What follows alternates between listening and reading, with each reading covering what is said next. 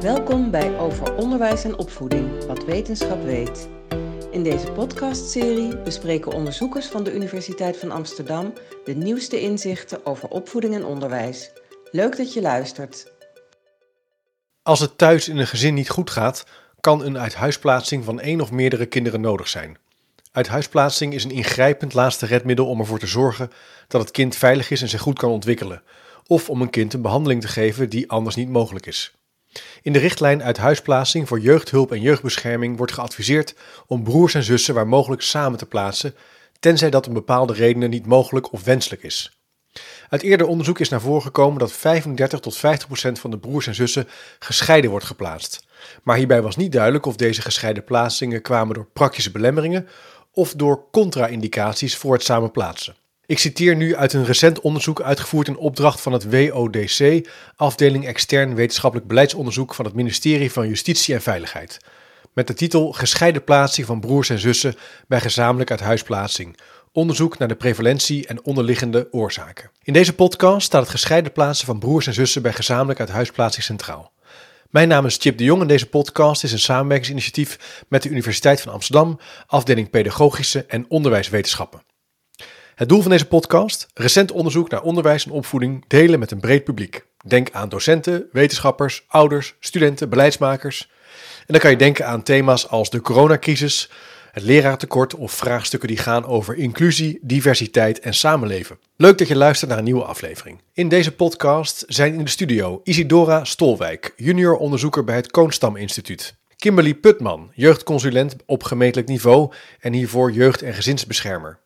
En als laatste Bjorn Ridderbos, ervaringsdeskundige sinds zijn negende in de pleegzorg. Hij is verbonden geweest aan de Nederlandse Vereniging voor Pleeggezinnen, NVP, specifiek bij Jong Wijs. Maar hij ronde ook een HBO-bacheloropleiding af in social work aan de Saxion Hogeschool in Enschede. Isidora, laten we eens bij jou beginnen. Jij hebt onderzoek gedaan naar uh, de thematieken waar ik net over sprak. Zou je eens iets kunnen vertellen over de aanleiding van het onderzoek? Hoe is dat allemaal zo begonnen? Zeker, zeker. Uh, nou, de, de, directe aanleiding voor dit onderzoek was een uh, motie uh, in de Tweede Kamer in 2019. waarin werd verzocht om verder te onderzoeken hoe het uitgangspunt dat broers en zussen samengeplaatst moeten worden, hoe dat beter gehanteerd kan worden. Deze onderzoeksvraag is uitgezet en deze is opgepakt door de Universiteit van Amsterdam, door de UvA. Um, en ik heb dit onderzoek uitgevoerd samen met uh, Claudia van der Put en Ivy Defoe van uh, Forensische Orthopedagogiek. Ook nog even belangrijk om te noemen. Ja. Um, nou, en zoals je al aangaf, um, bleek uit eerdere schattingen dat behoorlijk veel broertjes en zusjes gescheiden worden geplaatst. Uh, maar de precieze cijfers zijn nog niet bekend. Deze schattingen kwamen voort uit interviews. Um, en daarnaast was eigenlijk niet duidelijk wat er dan precies de redenen waren dat, er, uh, dat broertjes en zusjes gescheiden werden geplaatst. Uh, dus met ons onderzoek hebben we uh, de precieze cijfers achterhaald via dossier, dossieronderzoek bij zeven verschillende pleegzorgorganisaties verspreid door heel Nederland. Mm -hmm. um, in de periode 2015 tot en met 2020. Um, en daarnaast hebben we gekeken wat de redenen waren. Hebben we die geprobeerd te achterhalen. Dus of er bijvoorbeeld sprake was van praktische belemmeringen. Dus dat er geen plek was uh, voor de broertjes en zusjes samen. Of dat er sprake was van contra-indicaties voor het samenplaatsen. Dus eigenlijk dat er inhoudelijke redenen waren waardoor het niet wenselijk was om uh, broertjes en zusjes samen te plaatsen.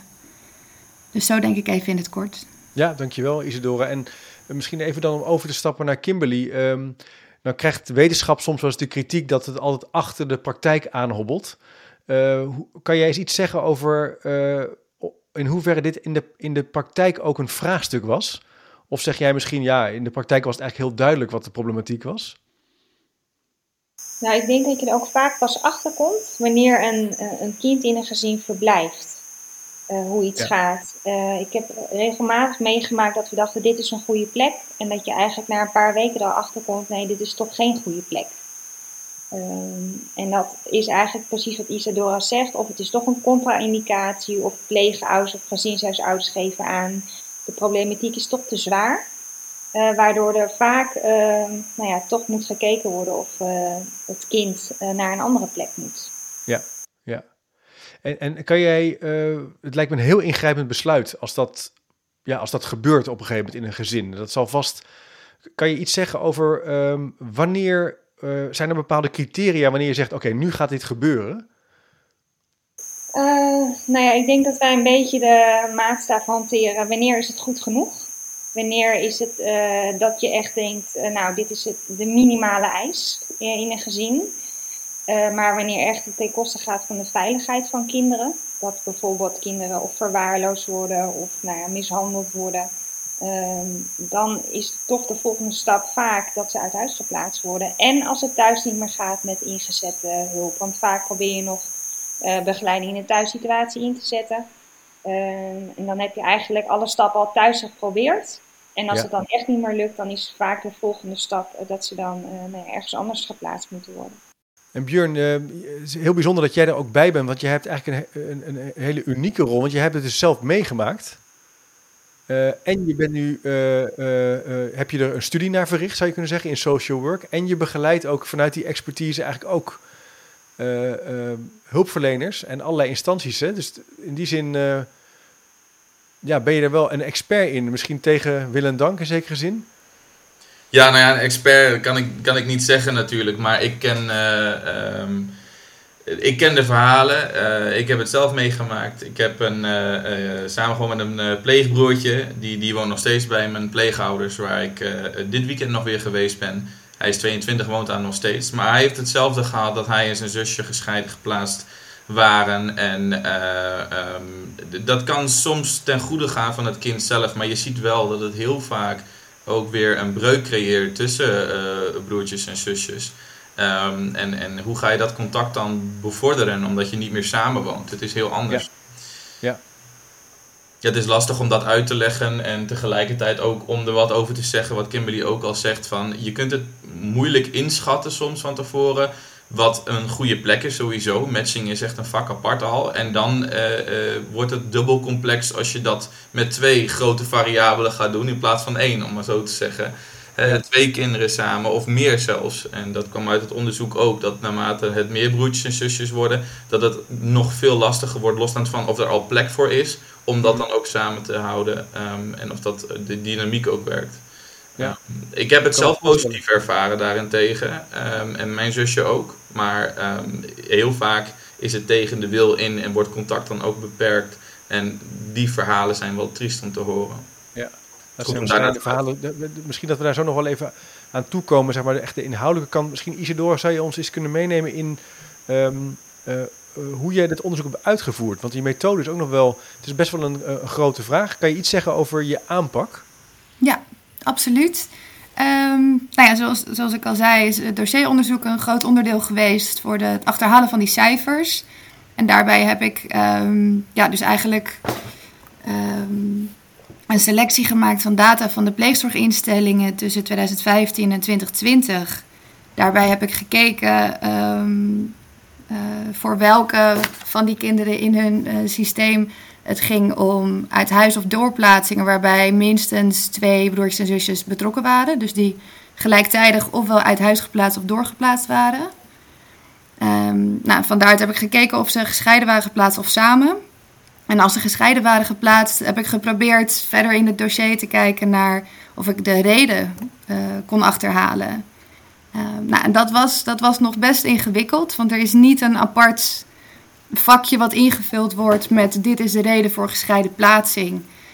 Um, dus bij een groot deel ja, hebben we toch, uh, moeten we heel voorzichtig zijn. Kunnen we niet heel vaststellen wat nou, hoe vaak het ging om praktische belemmeringen of om inhoudelijke redenen.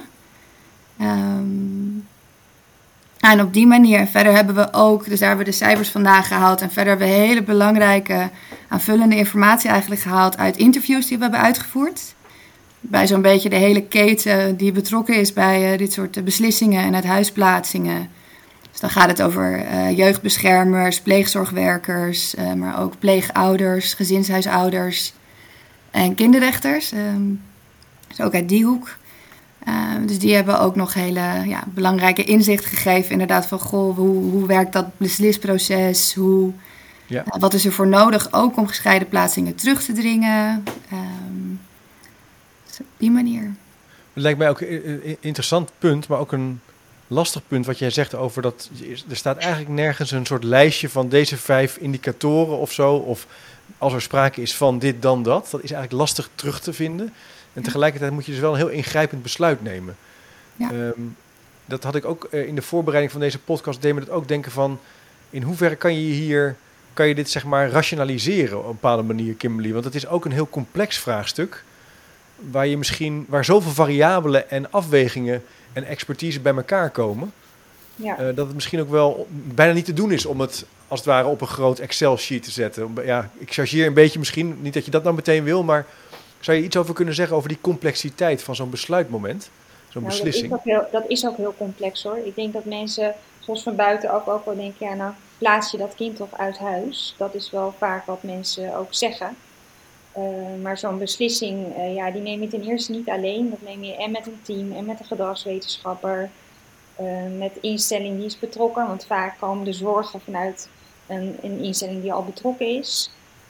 Um, en dan ga je met elkaar kijken wat is er voor nodig dat het, dat het wel weer beter gaat met dit kind. En ja. um, vaak, ik werk nu bij de gemeente, dus nu is het vrijwillig. Dus vaak hoop je nog met ouders daar vrijwillig uit te kunnen komen.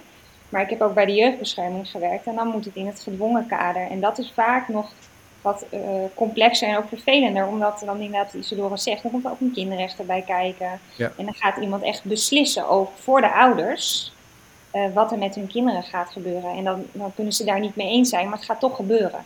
Ja. En dat is voor kinderen ook nog ingrijpender. Ja, ik kan me dat voorstellen. Uh, Björn, hoe kijk jij daar tegenaan, naar, naar dat besluitvormingsproces?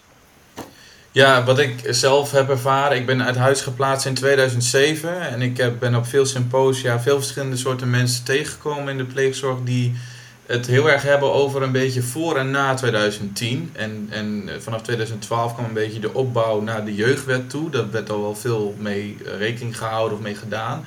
En dan zie je wel echt een verschuiving met het meer luisteren naar wat het kind wil, wat goed is voor het, het kind. Natuurlijk doe je dat wel, maar, maar echt um, op een andere manier. En daar zie je uit ontstaan dat meer kinderen samen zijn geplaatst, denk ik. Ehm, nogmaals, dit is, het komt niet uit dit onderzoek, maar dat hmm. waren ook al schattingen hè, van daarvoor. En zo ervaar ik het zelf ook.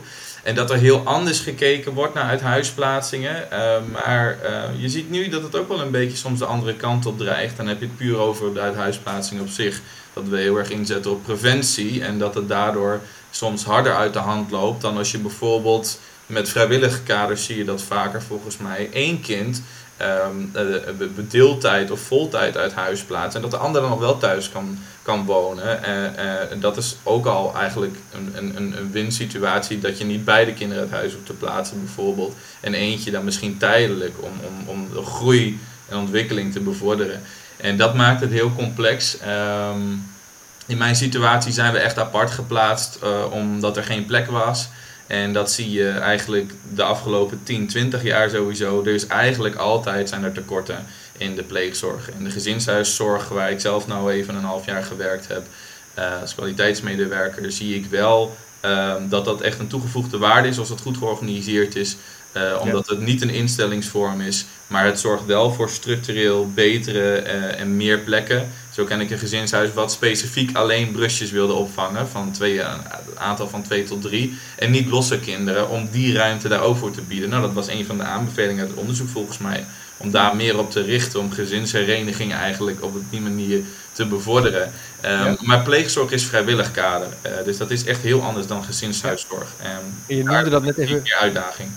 Je noemde dat brusjes. Ja, brusjes, ja. Dat is, de term daarvoor. Dat is de term daarvoor, de vakterm zou je kunnen zeggen. Yes. Mooi, hè? voor degene die nu denkt, hé, hey, wat is dat voor een specifieke term? Mooi. Ja, de, en, maar de, de, um, Kimberly, er is dus ook sprake van een enorm tekort. Zeker. Dat is, dus dat, dat maakt ook dat je dus uh, misschien wel gedwongen moet gaan nadenken over uh, niet samen, maar apart van elkaar. Ja, dat klopt. Dat, uh, ja. ja dat, dat, kan ik echt ook niet mooier maken. Het is eigenlijk een drama. we zijn bijna tot geen gezinshuizen. Want ik ben inderdaad, wat Björn zegt, dat vind ik de mooiste plekken voor een kind. Waar ze door kunnen brengen, omdat het veel huiselijker is en er zijn ouders aanwezig. En het, ja, het, het, is een beetje het nabootsen. Je kan het natuurlijk niet precies hetzelfde maken, maar het is wel een beetje die gezinssituatie wordt nagebootst. En door die tekorten worden eigenlijk heel vaak kinderen op groepen geplaatst. En daarin heb ik wel uit ervaring ook echt wel gezien, kinderen gaan er echt van achteruit. En ze komen er vaak slechter uit omdat ze erin gaan. En de zorgen nemen vaak alleen maar meer toe. Dus inderdaad, het tekort is echt, echt heel erg. Ja. ja. Kan, kunnen, kan je daar een verklaring voor geven? Hoe komt het dat er een tekort is? Ehm, nou, ik denk dat het meerdere redenen heeft. Ik denk, uh, als ik naar onze eigen gemeente kijk, eh, qua financiering, dat er geen contracten zijn. Uh, dat is denk ik al een van de grote, grootste redenen. Ja. Maar dat is voor gezinshuiszorgcontracten. ja, uh, maar ik denk ook dat vaak nog uh, gezinshuisouders misschien zich er wellicht op verkijken. Of dat ze juist heel goed uh, draaien en vast blijven houden aan dat, dat groepje. Dus dat er eigenlijk geen doorstroom is. Oh ja. Ja. Dus dat vaak gezinshuizen altijd nou ja, acht kinderen op hun, in hun huis hebben, in hun woning hebben.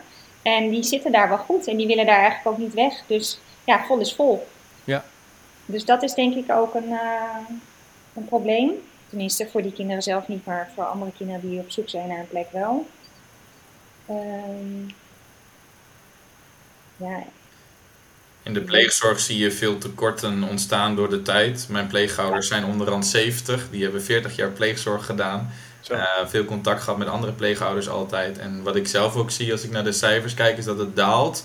Maar uh, laten we kijken naar, naar onze ouders. Uh, uh, die zijn ook steeds meer gaan werken en beide gaan werken. Dus een van de redenen is financiën. En dat was ook wat in het onderzoek een keer terugkwam, las ik. Mm dus dus hè, het moet ook allemaal betaald worden. Want eigenlijk krijg je er een vrijwilligersvergoeding voor als pleegouder zijnde. het is absoluut geen vetpot. Je, daar, je hoeft het niet om het geld te doen. Het is een vergoeding. En daarnaast is ook gewoon tijd. Dus die draagkracht. En dat was ook een van de punten volgens mij. En de pleegzorg is en blijft wel de grootste groep. En het zijn dus vrijwilligers. En ja, die moeten gewerfd worden. Maar ik, volgens mij is het nu stabiel. Maar de afgelopen paar jaren was er een, een, een daling van de ja. pleeghouders. Dus er gingen meer uit dan in. Dus het, even een aantal verklaringen die, uh, die zo mogelijk oorzaak kunnen zijn. En Isadora, kan jij eens... Ik kan me voorstellen bij dit onderzoek dat er heel veel...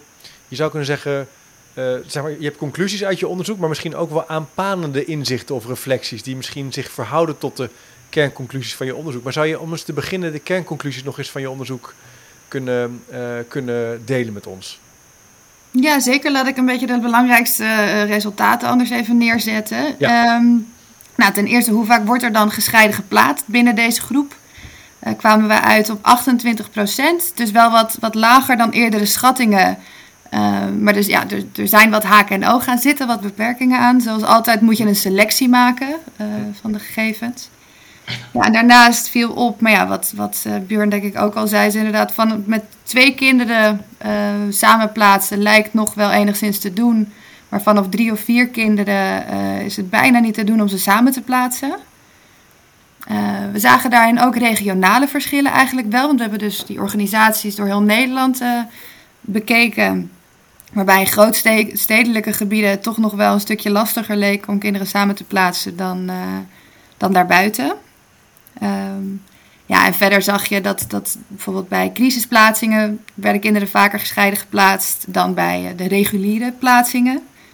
Um, vaker gescheiden geplaatst bij bestandsplaatsingen dan bij de netwerkplaatsingen. Um, Kun je dat even uitleggen voor degene die nu denkt, wat betekent dat?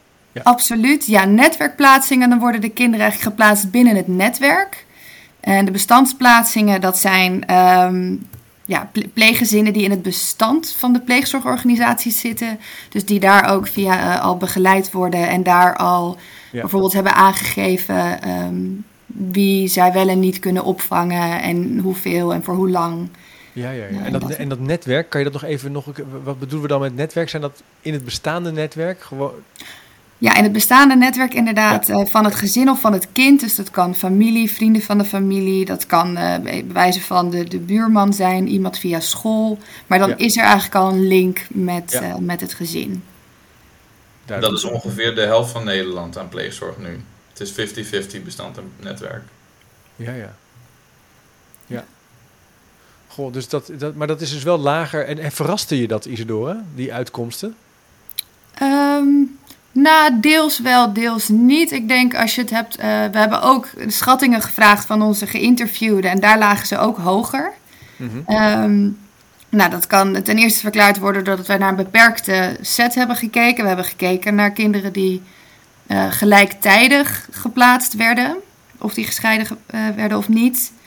Um, daarnaast hebben we gekeken binnen het gedwongen kader. Dat kan uitmaken. Maar ook als mensen, dat, dat hoorde ik ook uit de interviews terug. Um, de, de ervaring van een kind moeten scheiden blijft je misschien meer bij dan als het goed gaat. Uh, en dat zei iemand ook van ja, dat kan natuurlijk zijn dat je dan twee kinderen samen plaatst. En dat dat, ja, dat is een behoorlijk negatief, kan een hele negatieve ervaring zijn. Ook als uh, pleegzorgwerker of jeugdbeschermer. Waardoor je dat meer bijblijft, emotioneler. Ja. Um, dus dat, zou ermee, dat, dat kan ermee te maken hebben. Maar verder, ja, dat, dat vaker in crisis geplaatst werd dan bij reguliere plaats verbaasde me niet per se. Ik denk ook dat, er vaker, dat het vaker lukt om bij het netwerk samen te plaatsen. Klopt ja, in ieder geval gevoelsmatig ook. Hè? Ja. Eerder makkelijk een bedje bijschuiven. Je kent de kinderen al. Ga je ze dan uit elkaar halen? Ga je misschien net die extra stap zetten? Um, ja. Dus ze hebben als jij dat zo hoort. Wat ze wilden. Bjorn? Dus dan, ja, geen... netwerkpleegouders hebben helemaal niet nagedacht om pleegouder te worden. Dus die hebben geen voorkeur en hebben er niet over nagedacht. En die training gevolgd die bestandpleegouders wel hebben. Dus die hebben Ja. dan echt, wat je net al aangaf, een voorkeur vaak ook. En daar probeer je ze toch echt wel aan te houden om, om een breakdown te voorkomen. Dus dat het, eh, de pleegzorgplaatsing niet stopt, zeg maar. Dat het Ja. niet goed gaat. En Kimberly, als jij zo eh, terugkijkt op deze onderzoeksgebieden, wat was daar vanuit jou eh, opmerkelijk in? Of, of was het een bevestiging wat je, van wat je uit de praktijk eh, al meemaakte? Ja, eigenlijk wel. Ja. Het was wel een bevestiging. Ik, ik, ik was niet verbaasd om het te lezen. Ik dacht eigenlijk eens, ja, dat, dat herken ik wel. Ja, klopt wel. Inderdaad, wat Björn ook zei over als er meer dan twee worden, wordt het al vaak lastiger om kinderen bij elkaar te houden. Eh, maar wat me ook wel echt is bijgebleven, is dat eh, vaak pleegouders aangeven, we kunnen het wel, maar dan ook al heel snel weer aangeven, we kunnen het niet. En dat dan alsnog kinderen, dan is de uithuisplaatsing aan zich is al tra- eh, traumatiserend eigenlijk voor kinderen. En dan gaan ze ergens naartoe en dan vervolgens moeten ze weer uit elkaar gehaald Ja. worden. En dat is mij ook wel, dat heb ik meerdere malen meegemaakt. En eh, dat, dat was voor de kinderen ook echt, echt verschrikkelijk. ja, dat kan me voorstellen. En het lijkt, en je zegt, eh, in één keer slaat het dan om. Dus eh, alsof je, eh, je, je houdt vol en op een gegeven moment is het de, loopt de emmer over. En dan zeg je van, oké, dit gaat niet meer. Ja, en dat heb ik echt wel gehad dat ze me belden en zeiden, eh, hij moet weg, hij moet nu weg, we, Oh ja, kunnen het niet Ja, meer morgen. aan. Ja. Nou nee, dezelfde dag nog. Dezelfde dag. Ja, oh, sorry. Ja, gewoon meteen. Ja. En. Hoe is dat voor jou dan als professional? Hartverscheurend. Ik heb Ja, dat echt lijkt me wel ook moeilijk, ja. eh, kinderen met kop en kont uiteindelijk in een auto moeten duwen omdat ze niet mee wilden. En dat er echt de tranen in je ogen staan. Dat je denkt, ja, je kan hier ook niet blijven, lieverd. Je, moet- ja, je moet een beetje gaan sjoemelen met kinderen. En dat is echt verschrikkelijk. Ja. Ik heb zelf kinderen. Het gaat echt aan je hart als je dat moet doen. Ja, dat lijkt Ja. me heel moeilijk, ja. Ja. Ik zie Bjorn ook ja knikken in de zin dat, dat ja, dat kan je, dat kan je, dat kan je, kan je invoelen, hè? Dat, Ja, nee, het is, het is heel naar. En, en ik denk dat het nader is als er beloftes worden gedaan. En dat heb ik zelf niet direct zo ervaren. Maar dat zou wel verklaren, misschien denk ik trouwens nog, dat er sommigen uit de interviews dachten dat het getal hoger lag. Omdat het dan in eerste instantie, dus die eerste plaatsing, wel samen wordt geplaatst. En later dan dat het alsnog niet lukt om, om conflict of wat dan ook. De bekendere redenen. Ehm, mij zijn wel beloftes gemaakt eh, eh, dat ik op een gegeven moment weer terugkwam, bijvoorbeeld met een half jaar. En dat het tijdelijk zou zijn. Of eh, dat er geen plek was, maar dat we misschien later wel bij elkaar weer konden komen of werden gezet. Als er een goed vast plekje was, want we kwamen eerst in crisis. Ehm, plus de verhalen dat ik ouder was dan mijn zusje. Dus ik had eerder uit huis geplaatst moeten worden, terwijl het andersom was. Eerst zij, dan ik. Dus heel, dan krijg je allerlei rare verwachtingen over wat wel of niet de bedoeling zou zijn. En, en, en, en wat heel veel kinderen hebben, en, en, en dat blijf ik wel het trieste vinden, ehm, is, is hoe je het ook bent of keert. Heel veel kinderen in eerste instantie vatten het op als dat het zij iets fout hebben gedaan. En ga ze dan maar eens afleren van het is niet jouw fout geweest, hier kun je niks aan doen, het ligt niet aan jou. Het heeft mij acht jaar geduurd om daar overheen te komen. Maar dan kom je op het punt, oké, maar wat was dan wel de fout? Of wie was dan wel fout hierin? Want je gaat niet snel je biologische ouders, omdat je die situatie vaak gewend bent, zie je er niet zo erg in als de rest van de omgeving en hulpverleners. Dus, maar je mag ze ook niet zwart praten, dat kun je ook niet doen. Dus hoe ga je wel in laten zien dat papa en mama niet goed voor je kunnen zorgen, zonder ze negatief in, te, in beeld te zetten. En tegelijkertijd wel te zorgen dat dat kind niet denkt dat het aan het kind ligt. En dat is het ingewikkeldste. Ook met broertjes en zusjes krijg je dezelfde ehm, reacties, denk ik, als ze dan alsnog gescheiden worden. Ligt het dan aan mij? Ja, überhaupt dat je erover moet nadenken, dat als kind lijkt me al verschrikkelijk. Dus dat is al, hè, dat is het hele denkproces zou natuurlijk al niet zo moeten zijn. En, en, maar dat maak je dus wel mee als, als, ehm, als begeleider en als hulpverlener. Dus daar moet je heel goed mee, het is een heel zorgvuldig afwegingsproces. Ja, en, en Kimberly noemde het net al. En in, wat ik zelf denk is, wat ik net al zei, matching is, wordt steeds meer aandacht aan besteed. En dat is heel belangrijk en heel goed, denk ik. En ondanks de tekorten ehm, zou ik eerder zelf in het werkveld eerder inzetten op uh, gescheiden plaatsen, maar een betere matching. En dat ze dan elkaar gewoon vaker kunnen zien met bezoekregeling of wat dan ook. In plaats van dat ze eerst uit het gezin worden getrokken en dan uit elkaar. Um, zorg voor een zo goed mogelijke matching. Dat er ook geen breakdowns ontstaan. Um, Want dat verergert het ook weer. Want in dat opzicht is het een, een kleine breakdown als eentje blijft en de ander gaat weer naar een ander plekje. En hoe vaak, dat is ook uit een rapport gekomen, uh, onderzoek waar ik naar heb uh, gedaan eind van mijn studie, dat hoe vaker een breakdown voorkomt, dus een opnieuw uithuisplaatsing uit al een pleeggezin, hoe vaker dat daarna weer gebeurt. En dan krijg je de getallen dat mensen in negen gezinnen hebben gezeten of zo. Ja. ja. Ja. Nou, ik denk dat dat ook mooi is dat je vaak, als je zo'n beslissing neemt, dat je die uit alle rust neemt. En vaak uh, wordt die vanuit crisis genomen, gaan, raken mensen in paniek. Uh, ja, het, moet, nu weg, er moet nu iets uh, bedacht worden. Waardoor inderdaad, wat Björn zegt, dan worden ze eerst samen dan maar ergens naar een crisisplek gebracht. En daarna blijkt er of geen plek te zijn, of ze moeten alsnog uit elkaar. En dat is, ja, wat ik al zei, dat is voor kinderen alleen maar traumatiserender. Ja. Ja. ja. Isadora, um, heb je onderzoek gedaan naar dit, naar dit, uh, uh, dit thema. Wat voor nieuwe vragen komen er nou bij jou op? Of wat, wat ook naar van deze podcast waarvan zeg je, goh, dat zijn eigenlijk onze denkrichtingen, uh, of de belangrijke denkrichtingen waar we verder onderzoek naar moeten doen? Heb je die nou. paraat of kan je er iets over zeggen? Ja, ik denk enigszins wel. Ik denk in eerste instantie om, om in de gaten te houden wat er allemaal gebeurt, zou je het beter willen kunnen monitoren. Hè? Van goh, hoe vaak gebeuren die gescheiden plaatsingen? En ook um, ja, een, een, een, wat betrouwbaarder inzicht in, in de meest voorkomende redenen. Want dan kan je er misschien ook wat mee. Dan kunnen we ook die gescheiden plaatsingen terugdringen. In ieder geval de niet gewenste gescheiden plaatsingen. Ja. Um, of in ieder geval daar een hele goede poging toe doen. Ja, en daarnaast, um, hè, wat, wat Kimberly en Björn ook net vertelden, dat kinderen dan in eerste instantie samengeplaatst worden, maar het wordt dus zwaar voor de pleegouders, waardoor ze gescheiden worden geplaatst. Zo'n breakdown heeft ontzettend, ja, ontzettend ver, vergaande effecten voor zo'n kind, uh, voor de kinderen. Uh, hoe daar beter mee omgegaan kan worden. En misschien ja, ook dat, dat beslisproces. Um, ja, niet, niet, niet. Ja, je kan dat niet helemaal vastleggen, omdat elke situatie volgens mij zo ontzettend anders is. Maar dat je er toch iets meer handvaten voor krijgt. Want er staat nu toch. Ja, in de richtlijn staat vrij weinig informatie nu over. Hoe je dat uh, kan aanpakken. Uh, nou, ik denk zo'n screening is ook best, ik, die pleegouders worden gescreend, maar dat is echt op basis van een gesprek en een lijstje. Ik ja. denk dat het ook soms wel mooi zou zijn als daar iets meer tijd aan besteed ja. wordt. Dat je wellicht die mensen ziet in contact met kinderen. Ik weet wel dat ik toen, ja, sorry dat ik je onderbreek tussendoor, maar dat schiet me opeens te binnen. Dat ik uh, waren twee oude papier echt, kreeg ze een tien.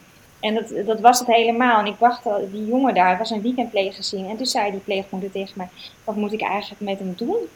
En toen dacht ik echt, serieus? Ja. Jullie zijn hiervoor gescreend, hè? Toen moest ik dus zeggen, nou, wellicht is het leuk om een taart te bakken of naar buiten te gaan of een hut te gaan dat, En daar hadden zij dus, dat wisten ze dus niet. Nee. En die mensen waren wel gescreend. Die waren, die waren klaar voor pleegzorg. Dacht ik, ja, dat is, ik schrok daar wel van. Daar zou je eigenlijk meer van, van kunnen maken van dat, van dat screening. Ook omdat jij net zei van het lijkt wel alsof het dan in één keer omslaat van ja. we doen het, nou we doen het niet. En Ja. daar zou je dus mogelijk in de, in de ontwikkeling en in de screening meer uit kunnen halen. Dat Ja. denk ik wel. Ja. Ik zou er wel kort op willen aanvullen nog dat uit mijn onderzoek kwam ook die screening is één eh, eh, onderdeel van een proces van eigenlijk een cursus normaal gesproken die bestandpleeghouders in ieder geval en hopelijk soms ook netwerkpleeghouders daarna na een plaatsing volgen. Eh, en anders bestand voor die tijd. En dat is een hele cursus van eh, meerdere maanden en weken vaak. En ehm, daar is een algemene cursus voor die veel wordt gebruikt, de staptraining. Ehm, maar daarnaast krijgen netwerkpleegouders die heel vaak niet, of achteraf, of verkort of beperkt. En misschien valt deeltijd daar ook nog wel onder. Dat kwam niet heel duidelijk daaruit. Ehm, maar er is steeds meer vraag naar deeltijd. Maar dan zouden ze nog steeds dezelfde volwaardige cursus en training moeten krijgen als een volledig voltijd bestandspleeghouder. En dat wordt te weinig gedaan bij dus een heel groot deel van de pleeghouders, gezien het de helft is netwerk en deeltijd en overig. Duidelijk. Dank jullie wel. Mooie, eh, eh, ik denk relevante thema's voor het doen van een eh, van vervolgonderzoek op basis van een eh, ja, belangrijk onderzoek, Isidora, wat je hebt uitgevoerd. Eh, in die zin eh, is het eh, boeiend om te blijven volgen. Ehm, de linkjes die even werden genoemd tijdens het gesprek zullen we ook even in de show notes plaatsen.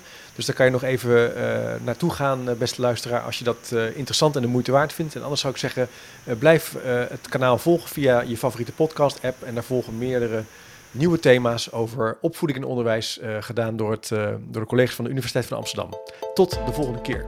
Wil je meer weten over het onderzoek naar opvoeding en onderwijs van de Universiteit van Amsterdam? Kijk dan op de website cde.uva.nl.